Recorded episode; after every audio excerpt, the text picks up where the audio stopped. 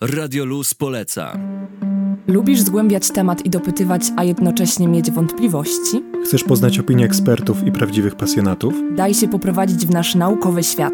Pobudzamy ciekawość i szare komórki. Włącz na synapsach w środę o 17. I w soboty od 15 do 17 na 91 i 6 FM.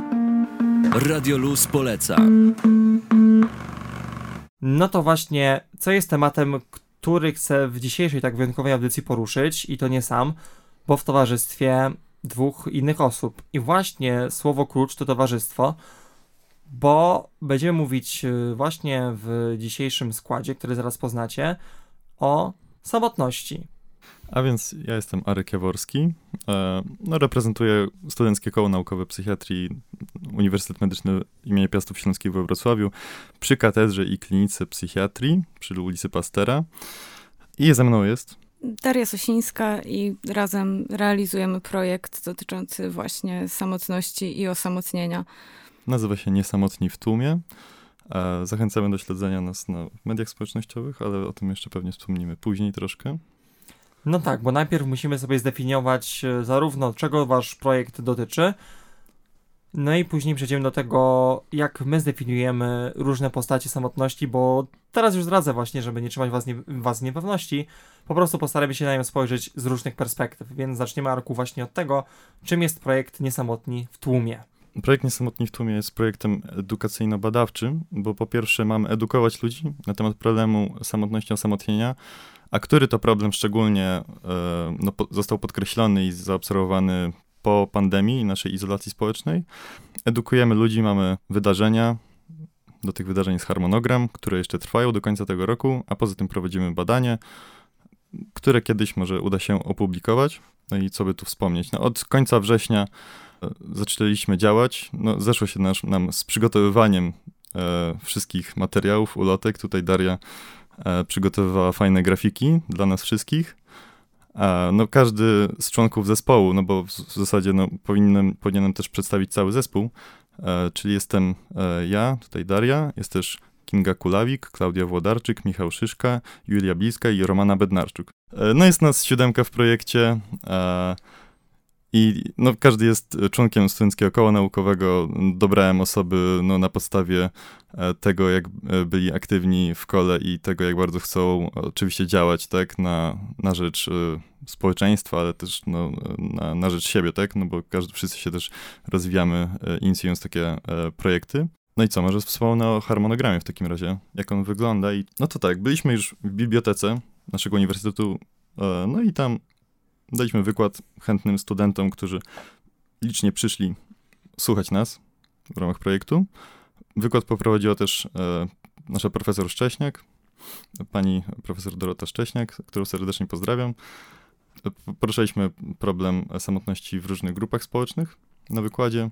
No, przeprowadziliśmy też quiz, tutaj była inicjatywa Darii, e, e, jakby no, na podstawie tego, co tam przedstawiliśmy, no i potem ludzie wygrali kilka fajnych nagród. E, t-shirty, torby, wzięli, kilka materiałów. Wzięli udział też w naszym badaniu później, e, bo tak prowadzimy równolegle do tego e, badanie, posługując się dwoma ankietami. Jedna dotyczy właśnie ogólnego takiego stanu zdrowia, to jest GHQ i, i drugiej ankiety, która dotyczy rozwinięcia sieci społecznych. No i w trakcie tego pierwszego wydarzenia właśnie sporo osób już wypełniło te ankiety, dzięki czemu może będziemy mogli e, napisać pracę badawczą. No tak, to, to mhm. było to no, pierwsze Czyli wydarzenie. to było właśnie pierwsze wydarzenie w bibliotece. No tam jest jeszcze kilka narzędzi, RU Club bada poziom osamotnienia, ale to można by rozmawiać i rozmawiać o tych e, narzędziach badawczych, jak to wygląda. E, no sam jeszcze szczerze mówiąc nie wiem, co dokładnie z tego będzie, co nam wyjdzie, tak, oczywiście, to dlatego też badamy i zobaczymy, co się okaże. Potem też byliśmy w Galerii Borek i tam e, no, mieliśmy okazję no, rozdawać ludziom e, merytorycznie fajnie przygotowane przez nasz zespół ulotki. No oczywiście też e, nawet niektórzy przysiedli i z nami porozmawiali dłużej, tak? No w pewnym sensie byliśmy przez chwilę terapeutami, no mimo, że nie mamy takiego wykształcenia, ale no niektórzy się przed nami otworzyli. No, to było też... świetne doświadczenie. Dobrze było porozmawiać z osobami, które wyraźnie tego potrzebowały, podchodząc do nas no, to tak odnosząc się do tego, co mówiłeś, że, że wszyscy się rozwijamy robiąc takie rzeczy, to naprawdę no, na, na, na dużo kwestii coś takiego otwiera oczy. Jak zdefiniujemy na razie wstępnie problem samotności? To może zacznijmy w ogóle od tego, że osamotnienie i samotność to nie muszą być e, tożsame pojęcia. E, osamotnienie definiujemy e, jako negatywny stan psychiczny, subiektywny, tak? Czyli dana jednostka odczuwa to osamotnienie i ono jest skutkiem niewystarczającej i niesatysfakcjonującej dla niej sieci kontaktów społecznych, tak? Natomiast samotność możemy definiować jako obiektywny stan odizolowania, tak? Izolacji społecznej, że dana osoba pozostaje sama, tylko weźmy też pod uwagę, że osamotnienie jest negatywnym stanem i zawsze będzie prowadziło do negatywnych konsekwencji, natomiast samotność jest też niezbędna w naszym życiu i często, no wyobraźmy sobie artystę, malarza, tak, no on raczej jak tworzy, no to sam tworzy te rzeczy, prawda? W sensie sam y, maluje, no chyba, że ma modelkę na przykład, no to wtedy nie, nie sam, ale jednak to on sam, sam samotnie maluje, tak? E, samotnie pisze książkę, e, pisarz, samotnie tworzy muzykę, jakiś muzyk, tak? No więc ta samotność jest potrzebna, żeby uzyskać jakiś stan wyciszenia i e, silnej koncentracji i kreatywności, żeby móc tworzyć pewne rzeczy. No to jest niezbędne w naszym życiu. E, no ale właśnie też może być e, chroniczna samotność, Wyobraźmy sobie przykładowo e, starszą kobietę, e, co w sumie no, u nas e, na, w Polsce też między innymi ten problem będzie zaostrzony, tak? Czyli starszą, owdowiałą kobietę, której dzieci wyjechały za granicę, ona pozostaje sama w swoim mieszkaniu komunalnym i w zasadzie no, może też mieć problemy zdrowotne, no najczęściej ma, tak, polipragmazję, przyjmuje wiele leków, może nawet nie być w stanie potem wychodzić z tego mieszkania i często też nikt nie przyjdzie e, jej odwiedzić i z nią porozmawiać i ją wspomóc, tak? No i to jest e, wtedy chroniczna samotność, która zaostrza wieloma ścieżkami biologicznymi, które też tutaj można by e, długo omawiać, e, zaostrza też te jej choroby, które już jej doskwierają, tak? Różne. Wracamy do rozmowy na temat samotności z przedstawicielami Koła Naukowego Psychiatrii Uniwersytetu Medycznego we Wrocławiu i teraz yy, zaczniemy od Arka w tym wejściu, bo skoro rozmawiamy o samotności, to powiedzmy więcej o tym, dlaczego w ogóle samotność istnieje, co możemy powiedzieć na temat yy, jej źródeł, no i jak współcześnie, jak kiedyś właśnie definiowano samotność. Jak wyglądało wcześniej? Możemy upatrywać się różnych przyczyn tego odczucia, tak? Bo mówiliśmy, że osamotnienie jest tym odczuciem, które często się pojawia w izolacji społecznej, tylko czasami przyczyny mogą leżeć głębiej i na pewno każdy będzie to odczuwał inaczej. Jesteśmy indywidualni, tak? No wiadomo, że mamy e, różne geny, więc jesteśmy też różnie finalnie e, zbudowani, tak? Nasze mózgi są różnie zbudowane i każdy, e, będąc narażonym na tą izolację społeczną, inaczej może to osamotnienie odczuwać. Niektórzy nawet, e, właśnie dlatego też jest nasz e, tutaj tytuł projektu Niesamotni w tłumie, no pomimo obecności ludzi mogą odczuwać e, to samotnienie, tak? No być narażeni na tą negatywną samotność. No ale możemy też spojrzeć z perspektywy ewolucji, tak? Naszej ewolucji. Dlaczego to uczucie osamotnienia w ogóle się wykształciło?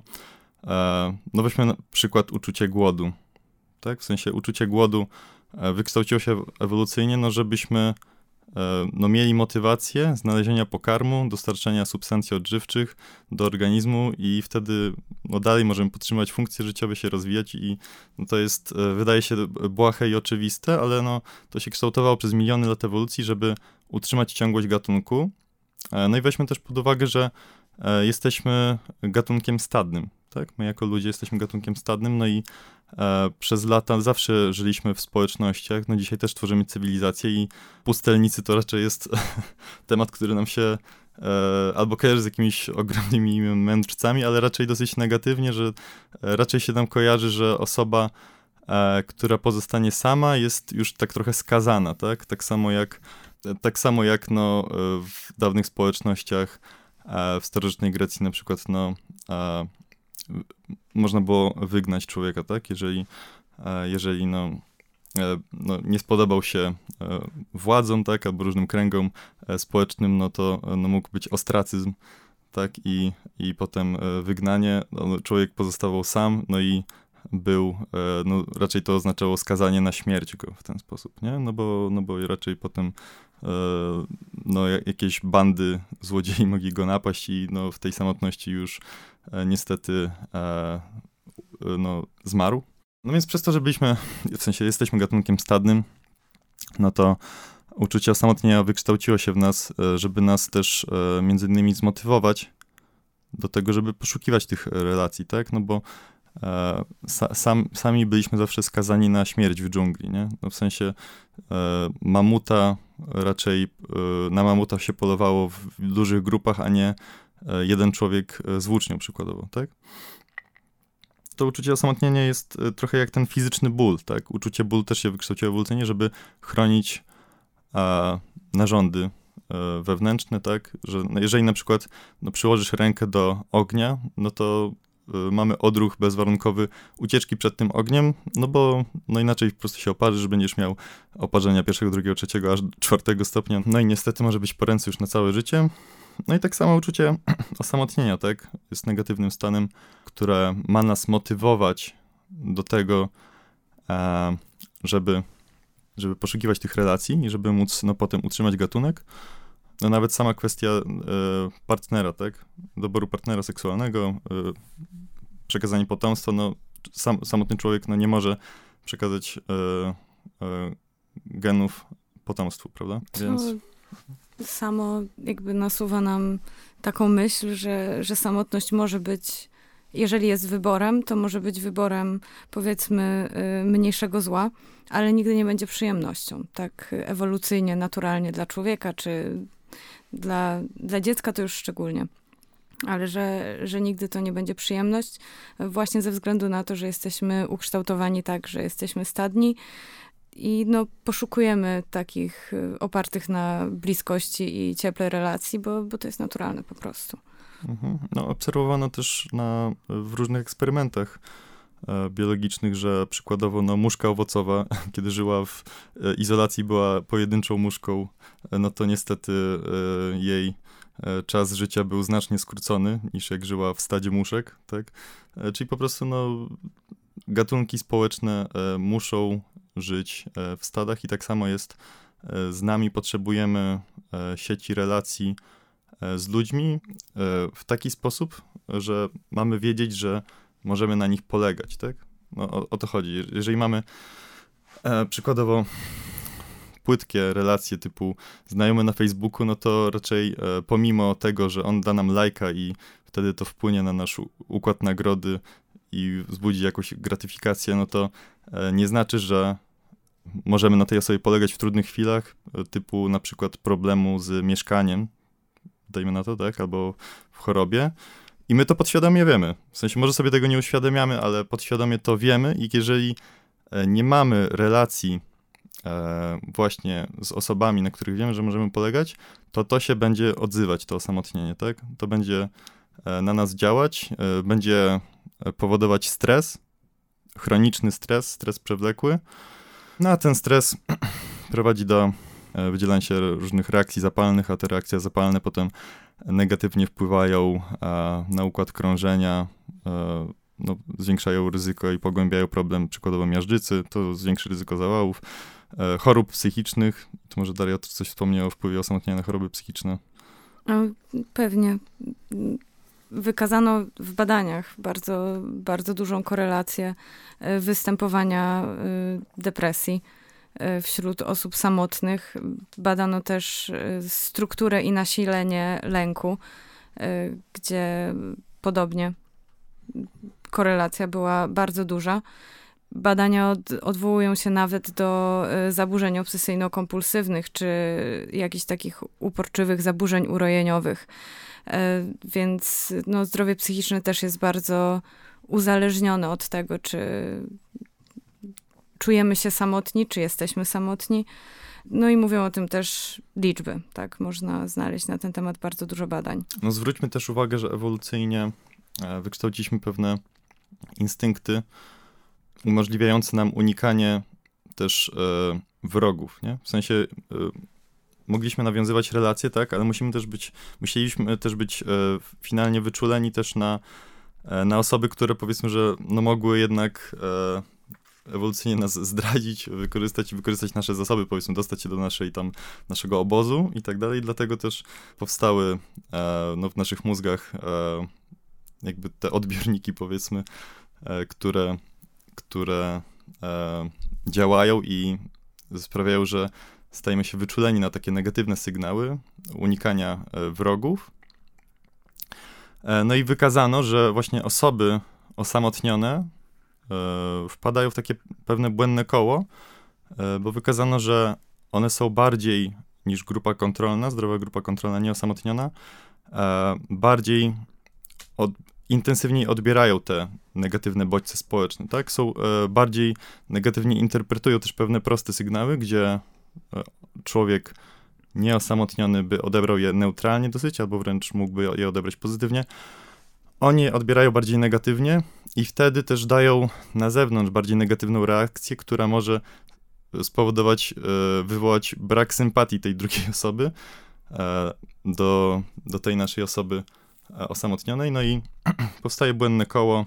Tamta osoba się utwierdza w przekonaniu, że świat jest wrogi, świat jest negatywny, bardziej się izoluje w innych badaniach psychologicznych też wykazano, że ludzie ogólnie mają tendencję do postrzegania osób nieosamotnionych bardziej pozytywnie. Kiedy na przykład jest osoba uśmiechnięta w towarzystwie, a jest osoba e, sama odizolowana, no to raczej pozytywnie się postrzega tą uśmiechniętą w towarzystwie osób, którzy mają w towarzystwie osób, którzy widać, że dobrze nawiązują relacje. Tak, no i wykazano, że po prostu ludzie E, prędzej będą chcieli z takimi osobami nawiązać kontakt, więc po prostu ta osoba, która ma tendencję do izolowania się i nadmiernego interpretowania negatywnych sygnałów, wpada w to błędne koło i coraz bardziej się odizolowuje i zraża do siebie ludzi. Tak nawiązując może jeszcze do tej kwestii ewolucyjnej, o której powiedziałeś, e, to bardzo widoczne to jest na przykład wśród dzieci, bo możemy też sobie e, samotność ogólnie tak, e, nie wiem, abstrakcyjnie trochę możemy sobie podzielić ją na mnóstwo różnych grup i odczuć, ale jeżeli byśmy się skupili na przykład na tym, e, jak to się przejawia w różnych grupach wiekowych, no to na przykład samotność wśród dzieci jest bardzo nienaturalna i jest bardzo niebezpieczna ze względu na to, że dla dziecka właśnie ten świat wewnętrzny i zewnętrzny muszą być spójne. Jeżeli nie jest tak, to tworzy się chaos, co może być e, bardzo destrukcyjne dla chociażby rozwoju osobowości takiego młodego człowieka i jest sprzeczne z jakimiś tam etapami jego rozwoju. Jakby doświadczenie takiej samotności, takiego zaniedbania e, w dzieciństwie może zwiększać e, tendencję do późniejszego zapadania na, na jakieś zaburzenia psychiczne. Tak, tak. I tu jeszcze chciałem dodać, że dziecko e, się rozwija, neurorozwojowo się tak, że rozwija. Jeżeli ono, ono będzie, będzie poddawane tej izolacji i samotności, no to właśnie wtedy mogą e, intensywniej się rozwijać te obszary w mózgu, które właśnie odbierają te negatywne sygnały społeczne, prawda? Dlatego potem ta jednostka może mieć, jednostka, no ta osoba po prostu, kiedy już będzie dojrzała, pod kątem układu nerwowego, no to będzie już miała po prostu już naturalną tendencję do negatywnego e, interpretowania sygnałów społecznych, tak? Gdzie dla e, dziecka, które e, no nie miało problemu osamotnienia, izolacji, e, no to właśnie ono rozwinęło e, te obszary w inny sposób i no bardziej powiedzmy, że e, zdrowo odbiera te sygnały społeczne. Mhm. Tak, no tak y, odnosząc się do tego, co mówisz, to właśnie to są te przyczyny rozwojowe osamotnienia, tak, które są związane z y, brakiem realizacji jakichś tam pod, podstawowych potrzeb dziecka, y, ale mogą być też inne przyczyny, mogą być przyczyny psychologiczne, y, gdzie odczuwa się deficyty w takich pozytywnych odczuciach ze strony otoczenia, mogą być uwarunkowane społecznie, gdzie jest osłabienie albo nawet brak naturalnych więzi z innymi ludźmi i to się wiąże na przykład z jakimś obniżeniem kompetencji społecznych. E, mogą być przyczyny, jeśli chodzi o dzieci, ale jeśli chodzi o dorosłe osoby też, e, o charakterze komunikacyjnym, gdzie mamy, doświadczamy zaburzenia komunikacji w rodzinie, e, nie doświadczamy bliskości, jakiegoś takiego porozum porozumienia i dialogu, ale mogą być też takie zupełnie niezależne od nas, jak ekonomiczne gdzie, gdzie można być wykluczonym ekonomicznie albo cyfrowo i też to będzie prowadziło do samotności. Więc y, tych aspektów jest bardzo wiele. Mhm. No, jest wiele y, przyczyn, tak no poza tymi właśnie uwarunkowanymi e, ewolucyjnie i no, w czasie rzeczywistym e, uwarunkowanymi izolacją i no, można by tutaj też się zagłębiać w, te aspekty już e, no, biologiczne, tak, czyli że osoba może stać się samotna i osamotniona, bo właśnie należy do szczególnych grup ryzyka, tak? Na przykład właśnie, jeżeli ma chorobę psychiczną, może e, ulec stygmatyzacji, ale też e, społecznej stygmatyzacji, no i zostanie odcięta przez e, wiele osób e, z życia społecznego, mm, no ale też właśnie ta osoba naturalnie przez swoją chorobę, między innymi depresję, ma mniejszą motywację do nawiązywania tych e, interakcji społecznych, tak, gdzie powiedzmy, że osoba zdrowa, kiedy zostanie poddana izolacji, to będzie miała e, naturalnie wykształconą motywację do szukania nowych interakcji, nowych relacji, a ona już przez swoją chorobę,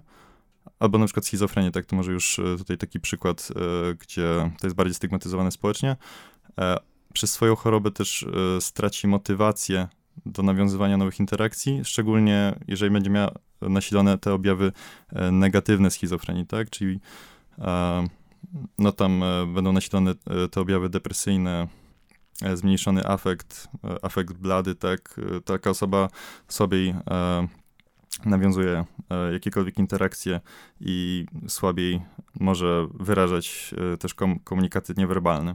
Zwróciłeś uwagę na bardzo ważny aspekt właśnie tego, kto jest najbardziej na, narażony na tą samotność i poczucie osamotnienia, bo badania mówią, że e, są to właśnie nastolatkowie, osoby w podeszłym wieku, tak jak powiedziałeś, osoby e, chorujące, cierpiące na zaburzenia psychiczne, ogólnie przewlekle chorzy somatycznie także.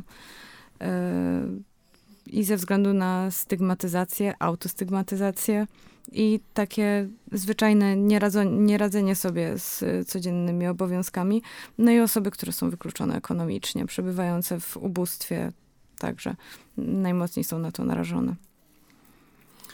E, no tak, no co jeszcze w kwestii tych e, chorób różnych somatycznych, no to no oczywiście jak osoba będzie unieruchomiona e, przez swoją chorobę, no to no, nie będzie mogła e, za bardzo też wyjść do miejsc, gdzie będzie mogła nawiązywać te interakcje tak, społeczne. Jakieś, e, no, ciężej jej, jej będzie uczestniczyć w jakichś spotkaniach, gdzie mogłaby wytworzyć te relacje.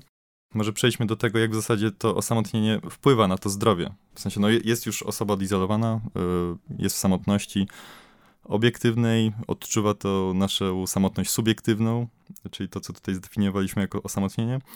E, no i badacze też zaproponowali kilka modeli, w jaki sposób już to osamotnienie e, prowadzi do tych negatywnych konsekwencji zdrowotnych, tak? Czyli już mamy tą, ten stan i co się wydarzy, że w zasadzie no, będzie jednak to szkodliwe dla zdrowia, nie? No bo może niektórym się wydawać, że no, ta osoba czuje się samotnie, czuje się jej trochę źle, no ale jakoś tam sobie będzie radzić, jakoś sobie będzie żyć i jakoś to będzie. No ale właśnie niekoniecznie, nie? E, czyli ten problem nie jest ważny tylko ze względu na to, że ktoś się źle czuje, e, no ale e, ze względu na to, że to prowadzi do e, realnych e, konsekwencji e, biologicznych w organizmie. No i pierwszy model, o którym tutaj można powiedzieć, no to jest po prostu u osoby osamotnionej zwiększone ryzyko szkodliwych zachowań zdrowotnych, tak? Czyli taka osoba na pocieszenie częściej może korzystać z fast foodów, tak? Będzie po prostu żywić się fast foodami na pocieszenie. Będzie prowadziło do otyłości zespołu metabolicznego i niezliczonych konsekwencji zdrowotnych, jak cukrzyca typu drugiego, miażdżyca, tak? I tutaj można by wymieniać e, bardzo, bardzo dużo e, tych konsekwencji. Stosowanie używek, tak? Czyli osoba e, taka osamotniona na pocieszenie może zacząć palić papierosy, częściej za, będzie palić papierosy albo wróci do nałogu, które kiedyś rzuciła, żeby no w cudzysłowie się odstresować, tak? To, co nam się kojarzy, co jest po prostu tym błędnym kołem e, tego uzależnienia. Zmniejszona także aktywność fizyczna. E, no weźmy też pod uwagę, że wielu z nas e, uprawia sporty w grupach, tak? E, w grupach ze znajomymi, e, z przyjaciółmi albo uczestniczy w jakichś takich klubach, no osoba osamotniona, może być też osamotniona między innymi przez fobię społeczną, tak, no e, będzie miała tendencję do częściej do unikania takich form aktywności. No drugim takim modelem, poza tym zwiększonym ryzykiem szkodliwych zachowań zdrowotnych, no i wtedy stosowania też między innymi używek, e, e, jak narkotyki na, na, na tak zwane pocieszenie, tak, e, przez to osamotnienie, no może być po prostu stres, w sensie, że e, no, osamotnienie prowadzi do zwiększonego stresu, bo mówiliśmy, że ma motywować do szukania nowych interakcji, ale ten stres po prostu e, staje się chroniczny, jeżeli to towarzyszy takiej osobie długo. No a to zwiększa e, parametry stanu zapalnego, o czym e, powiedziałem. E, Prowadzi do stanu zapalnego niskiego stopnia, przewlekłego. No i tutaj można jeszcze wchodzić już w właśnie poza tym z wyższym poziomem glikokortykosteroidów możemy mówić o wz- wzroście wydzielania TNF-alfa, e, która podtrzymuje stan zapalny. Nie będę się rozgadywał o tej kaskadzie e, czynników zapalnych, ale e, finalnie przewlekły stan zapalny prowadzi do neurodegeneracji, zaburzenia funkcji poznawczych, innych patologii. Wykazano korelację ze zwiększeniem ryzyka ch- choroby Alzheimera. E, no, patogeneza choroby Alzheimera nie jest w pełni poznana, ale e, wykryto korelację, że u osób osamotnionych po prostu bardziej się widzi te zmiany neurorozwojowe, e, jak na przykład e, no, białka tau. A, Tak, no zwiększone ryzyko demencji wynosi nawet tam, to jest o 26% więcej niż w populacji ogólnej wśród osób osamotnionych właśnie. E, Tak jak powiedziałeś o, o tych e, upośledzonych mechanizmach na- naprawczych, tak? E, O przewlekłym wydzielaniu kortyzolu, no to to tak samo ma związek z e, występowaniem depresji bo właśnie te mechanizmy depresjogenne, które są związane z osamotnieniem, e, biorą się z tego, że ma, jest wzrost odczuwanego stresu, przez co nie ma hamowania procesów zapalnych, przez co jakby wychodzi to z tego, że mamy wyższy poziom kortyzolu wyjściowo. Jeżeli mamy wyższy poziom kortyzolu, czyli tego hormonu takiego prze, przewlekłego, długotrwałego stresu, to zmniejsza się wydzielanie neurotrofin, czyli takich związków, które by chroniły w jakiś sposób układ nerwowy przed y, degeneracją. No i to bardzo mocno wpływa na to, że, że można wykształcić na przykład depresję. Właśnie ten model up- upośledzonych procesów naprawczych, tak, no, no bezpośrednio związany ze stresem oczywiście, ale no zwróćmy też uwagę, że upośledzone procesy naprawcze u osób osamotnionych przez ten e, podwyższony poziom stresu, no będzie związany z pogorszoną jakością snu. Tak, a e, no, jak wiemy sen e, no, jest niezbędny do prawidłowej regeneracji e, organizmu, a też jego normalnego funkcjonowania, no a kiedy jest pogorszona jakość snu w tym przewlekłym stresie, związanego z tym osamotnieniem, no to e, no będziemy mieli też zwiększone ryzyko właśnie chorób układu krążenia, tak? Zwiększone ryzyko chorób układu krążenia nie tylko e, nie tylko przez e, tą e, możliwą ścieżkę złej diety, o której powiedzieliśmy, i, ale też właśnie przez e, stan zapalny i upośledzoną regenerację e, przez zaburzoną jakość snu, tak? Czyli już mamy tutaj kilka dróg, które mogą prowadzić do tych poważnych chorób jak miażdżyca, potem też zawał serca i no i wiele, wiele innych, tak? Jeśli słucha nas teraz osoba, która jest właśnie w takiej sytuacji, która odczuwa jakieś osamotnienie, samotność od dłuższego czasu, z jakiegoś innego powodu, może od niedawna, gdybyście teraz naprawdę mieli się wczuć w to, że naprawdę ktoś taki nas teraz może słyszeć i mówię zupełnie serio, to co chcecie powiedzieć takim osobom?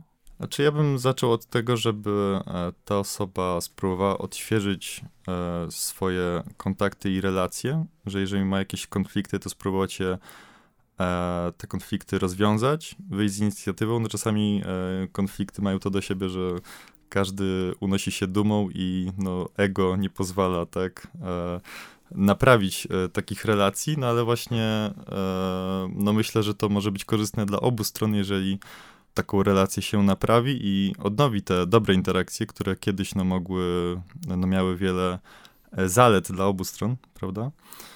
E, więc to taki krok pierwszy. No jeżeli e, trochę już powiedzmy nie ma pomysłów na takie, e, takie metody, no to właśnie poszukać e, miejsc, jak no przykładowo klub seniora w kontekście osób starszych, tak? E, miejsc, gdzie po prostu e, ktoś organizuje takie e, spotkania, gdzie te osoby mogą się odnaleźć, poszukać tego, spytać kogoś o radę, ktoś może pokieruje e, do takich miejsc lokalnych, gdzie po prostu takie osoby mogą się z kimś spotkać i e, spędzić ten czas. Mi pierwsze, co przyszło na myśl, to, że przykro mi, że ta osoba tak się czuje i żeby wiedziała, że nie jest sama z poczuciem samotności, że jednak wiele, wiele osób czuje to samo.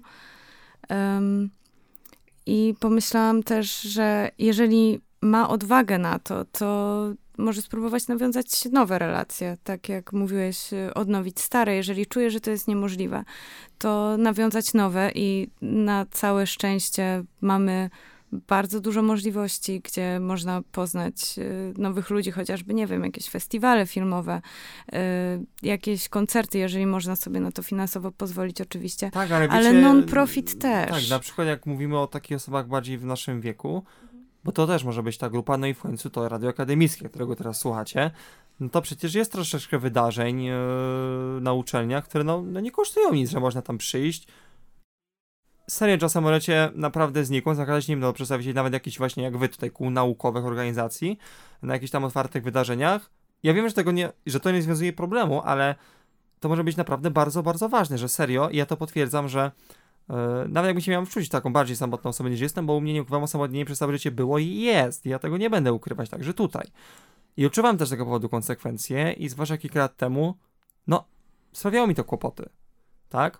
Yy, ja o tym mówię otwarcie. I dlatego tym bardziej chciałbym yy, przekazać właśnie jakimś osobom coś, co rzeczywiście yy, może im pomóc. I wiecie co? Teraz właśnie myślę trochę o sobie z tej drugiej strony yy, i też was po drugiej stronie do tego zachęcam, żeby jeszcze jedną rzecz sobie wyobrazić. No to słuchajcie, mm, co jeśli my może widzimy, czy od jakiegoś czasu, od pewnego czasu kogoś, może nawet czasem jakąś grupę wokół nas, która podejrzewamy, ta osoba, ta grupa może odczuwać taki problem. To coś możemy zrobić dobrego na, yy, yy, z tym wszystkim? Czy możemy do takiej osoby właśnie w jakiś sposób podejść, kiedyś ją o, o to po prostu spytać, yy, poprosić ją o rozmowę? Jak ewentualnie to zrobić? Pomóc tylko i aż tym, że się nim zainteresujemy? Da się, tak? Poniekąd, poniekąd odpowiadasz sobie sam na to pytanie. Myślę, że jeżeli ktoś bardzo tego potrzebuje, to jak najbardziej.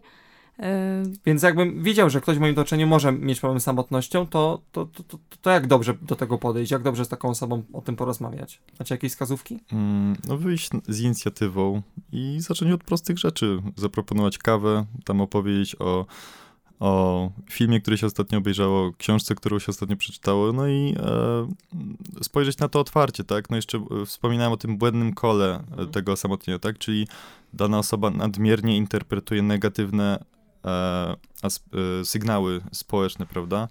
Postarać się wyjść z tego błędnego koła, to już do tych osób, które mogą w tym e, tkwić. E, no tutaj, jeżeli no już sytuacja właśnie jest poważniejsza, no warto się udać do e, psychoterapeuty. Psychoterapeuta może przeprowadzić terapię poznawczo-behawioralną z tą osobą, żeby sobie uświadomić pewne rzeczy i e, wyjść z tego błędnego koła i wtedy bardziej się otworzyć na te relacje, tak? I żeby ta rozmowa była e, no głęboka, e, szczera i e, no jak już ta osoba zaprosi tę osobę na kawę, to żeby No po tak. prostu porozmawiali o czymś e, sensownym, otwarcie i się no nie bać Tak, oceny, tak? No tak. świat się nie Mhm. zawali No tak. e, e, przez rozmowę, prawda? No, ale też myślę, że to też jest ważne podkreślenia, że mm, jeśli chodzi o nasze uczelnie, no to też y, jak najbardziej, jeśli mamy takie poczucie, tak się czujemy, no to też nie powinniśmy się bać y, zgłosić na przykład do poradni psychologicznej na naszej uczelni z tego powodu. Absolutnie nie powinniśmy się tego bać. Nie, właśnie to jest bardzo ważne, co mówisz y, i y, warto nakreślić to, że ludzie często myślą, że ich problem jest mniejszy albo ich problem jest niewystarczający, żeby się tym zająć i to jest nieprawda, bo każdy subiektywnie odczuwa swoje problemy jako jednak na, największe, jakich doświadcza. Więc y, tak, jak, tak jak mówicie, jeżeli spotkamy kogoś, kto widzimy, że może ma takie problemy, to też y, warto, myślę, być nienarzucającym i nie, nieoceniającym, Mhm. tylko, tylko wyciągnąć dłoń do kogoś i tak sobie myślę powiedzieć mu, że jeżeli poczujemy, że ona jest gotowa też No to właśnie. usłyszeć, oczywiście, No prawda? właśnie. Bo y, tak jak sobie o tym myślę, to że żeby w jakiś sposób mogła zrozumieć, że ten dramat jakiś, który się rozgrywa u niej wewnętrznie, który ją hamuje przed tym, żeby nawiązywać relacje, czy żeby je jakoś pogłębiać, on się cały czas rozgrywa wewnętrznie. I zewnętrznie to może być y, zupełnie inaczej odbierane. I przez y, otoczenie, jakby też ludzie z jednej strony mogą nie dostrzegać, jak duży problem to jest dla tej osoby, a z drugiej strony, z pewnej strony też ona może tego y, nie pokazywać w żaden sposób. I może być tak, że ona czuje się źle, czuje, że nie da rady y, jakby wy, poprosić o pomoc. Y, No. I żeby jakoś, tak jak Arek mówił, przerwać to błędne koło. Że, że jednak no tak trochę zachęcić tą osobę, żeby może wyszła ze swojej głowy do świata, który wcale nie jest taki straszny. Jeżeli no, znajdzie odwagę ku temu. E, Tak, no, na, na pewno wyjść e, z tego błędnego koła, bo no, często u takiej osoby, która jest osamotniona i no, przykładowo e, no, ma zaostrzoną, e, ma epizody depresyjne, e, no to ten dramat e, przebiega wewnętrznie, tak? Jeżeli ta osoba jeszcze właśnie, tak jak wspominałem, nadmiernie interpretuje negatywne sygnały społeczne, no to może nie chcieć też pokazać czegokolwiek do świata zewnętrznego, e, e, jeśli chodzi o to, co przeżywa, bo będzie bało się negatywnej oceny i stygmatyzacji, no co jeszcze bardziej może pogłębić e, ten problem izolacji i, i samotności tej osoby. No dlatego otworzyć się przed odpowiednimi osobami, no jak nie przed bliskimi, no to oczywiście wtedy no warto się udać na e, terapię albo do lekarza, prawda? Pewnie czasami no, są, są takie problemy, że oczywiście my byśmy. e, bardzo fajnie by było, jakbyśmy mieli taką moc e, sprawczą, żeby, żeby komuś w naszym otoczeniu to e, tak, tak pomóc, ale no, e, zdarzają się takie problemy, do których konieczny jest specjalista i Tak, też, też m, zachęcamy. No tak, ale do wiecie, tego. ale jak, że tak powiem, będzie to jak najbardziej możliwe, no to możemy po prostu pomóc tej osobie w uzyskaniu tej pomocy. No i Jak to, najbardziej o to chodzi właśnie, żeby Mhm. pomóc tej osobie w uzyskaniu pomocy właśnie. O to chodzi. Tak, tak, no czyli tak jak wspominałem już o, o tej e, kawie Mhm. w kawiarni i rozmowie o filmie i książce, no to właśnie no, można też tak e, no, osoba z ulicy, rozmawiając z taką osobą z ulicy powiedzmy e, w cudzysłowie, no to no może wtedy jej zasugerować, jeżeli zobaczy, że no problem jest faktycznie nasilony, że może faktycznie powinna się udać do tego specjalisty, nie?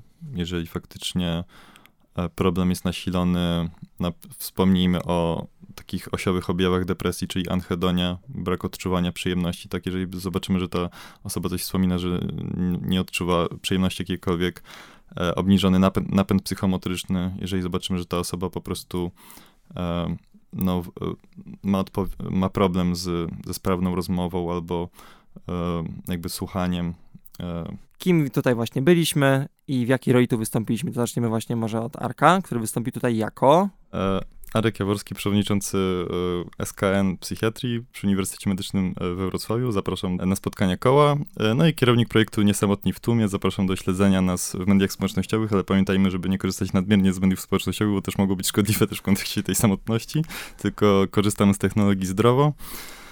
No i towarzyszyła nam. Towarzyszyła nam właśnie. Daria Sosińska. I chciałabym w sumie zamknąć to na Daria Sosińska, ale żeby było, że mam jakąś wiedzę na temat tego, co powiedziałam, to studentka e, ostatniego roku kierunku lekarskiego i też e, współpracowniczka Arka i całej reszty Wspaniała naszej... członkini naszego projektu tutaj stworzyła dla nas bardzo fajne e, grafiki i tutaj e, jak, jak ten, jak E, ale przede wszystkim, że jest E, No, odwiedzicie nasz projekt, albo będziecie mieli e, okazję mieć ulotkę w ręce czy coś, to zobaczycie, że tutaj e, fajnie to wszystko wizualnie wygląda. To jest zasługa e, Darii, no i też duża zasługa merytoryczna w zakresie treści w tych ulotkach, więc e, tak. E, ogółem e, takim studentkom jak wy coś powiedzieć, takiej waszej grupie właśnie, która idzie w tym kierunku jednak yy, ochrony zdrowia? Tak, tak, tak. Ja oczywiście chcę zachęcić do aktywności, bo na pierwszych latach, no zbyt, szczerze mówiąc, aktywny nie byłem. Jakoś to później mi przyszła motywacja do tego, żeby coś zmienić w swoim życiu, no i zacząłem się angażować w koło. Tutaj pozdrawiam kolegę Krzyśka Kowalskiego, już doktoranta o, to ja też tym bardziej Krzyśka pozdrawiam. Też na pewno kiedyś go usłyszycie w naszych audycjach. Już z tego co wiem, rok 23 to będzie w końcu Krzysztof w jakichś audycjach. Nareszcie. Tak, Krzysiek był e, bardzo aktywny i szczerze mówiąc zainspirował e, nie tylko mnie, ale też innych członków do działania, bo intensywnie działał, e, no i pokazał, że na wielu płaszczyznach można. No i po prostu też, kiedy jakby przejąłem jego rolę przewodniczącego koła psychiatrii, po prostu pojawił się ten pojawiło się ogłoszenie e, Funduszu Aktywności Studenckich Wrocławskiego Centrum Akademickiego. E, tutaj pozdrawiam e, wszystkich z Wrocławskiego Centrum Akademickiego, dzięki którym możliwe było to dofinansowanie na nasz projekt. No i właśnie przeczytałem ogłoszenie, no i tak się zastanawiałem, E, czy można to odnieść do... Tego typu rzeczy, to chcielibyście może takim osobom? Czy... Dodatkowy budżet w ramach tego projektu na projekty, które poruszają problem samotności. No i wtedy połączyłem fakty, że Studenckie Koło Naukowe Psychiatrii e, może to e, spróbować wykorzystać. E, no i tam zacząłem składać wniosek, e, zrodziło się kilka pomysłów, e, co możemy z tym zrobić, no i właśnie wpadł ten pomysł edukacji, jak i badań, tak? E, no, trzeba, wiadomo, to wszystko wymaga pracy, ale e, można e, iść z flow, że tak powiem, tak? Czyli jak już się zacznie krok pierwszy, to potem jest krok drugi, dwudziesty, setny, no i czuć też takie zmiany i no ja na przykład osobiście czuję, że jak zacząłem to robić i po prostu pracować na tym, to też no czuję rozwój, w sumie osobisty, tak patrząc trochę jakby nie, nie tylko na to, że pomagam innym i są plusy też dla innych, no to czuję jakby swój rozwój, tak, w, no na pewno mam większą pewność siebie w zakresie załatwiania pewnych spraw, wykonywania telefonów tutaj, e, umawiania jakichś terminów i jakby obliczania tego, kiedy to wszystko się wydarzy, żeby dostosować harmonogram i żeby to się stało możliwe, co też wymaga nie lada pracy, ale no na pewno nie, nie żałuję tego, że, e, że ten projekt e, się nam udaje oczywiście i że w ogóle zainicjowaliśmy wyszliśmy z tą inicjatywą, bardzo się cieszę, że, że to trwa i myślę, że to się dobrze e, zakończy. No nie żałuję jakby tych godzin poświęconych e, do tego projektu. No i zachęcam każdego studenta, który chciałby zrobić coś więcej albo właśnie pomóc komuś, no, pom pomagając komuś pomoże też sobie często. Kim tutaj właśnie byliśmy i w jakiej roli tu wystąpiliśmy? To zaczniemy właśnie może od Arka, który wystąpi tutaj jako...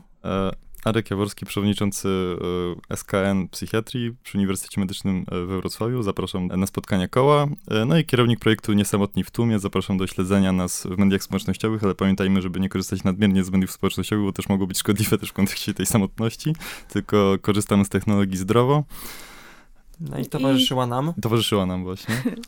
Daria Sosińska, i chciałabym w sumie zamknąć to na Daria Sosińska, ale żeby było, że mam jakąś wiedzę na temat tego, co powiedziałam, to studentka y, ostatniego roku kierunku lekarskiego i też y, współpracowniczka Arka Wsp i całej reszty Wspaniała członkini naszego projektu tutaj stworzyła dla nas bardzo fajne e, grafiki i tutaj e, jak, jak ten, jak...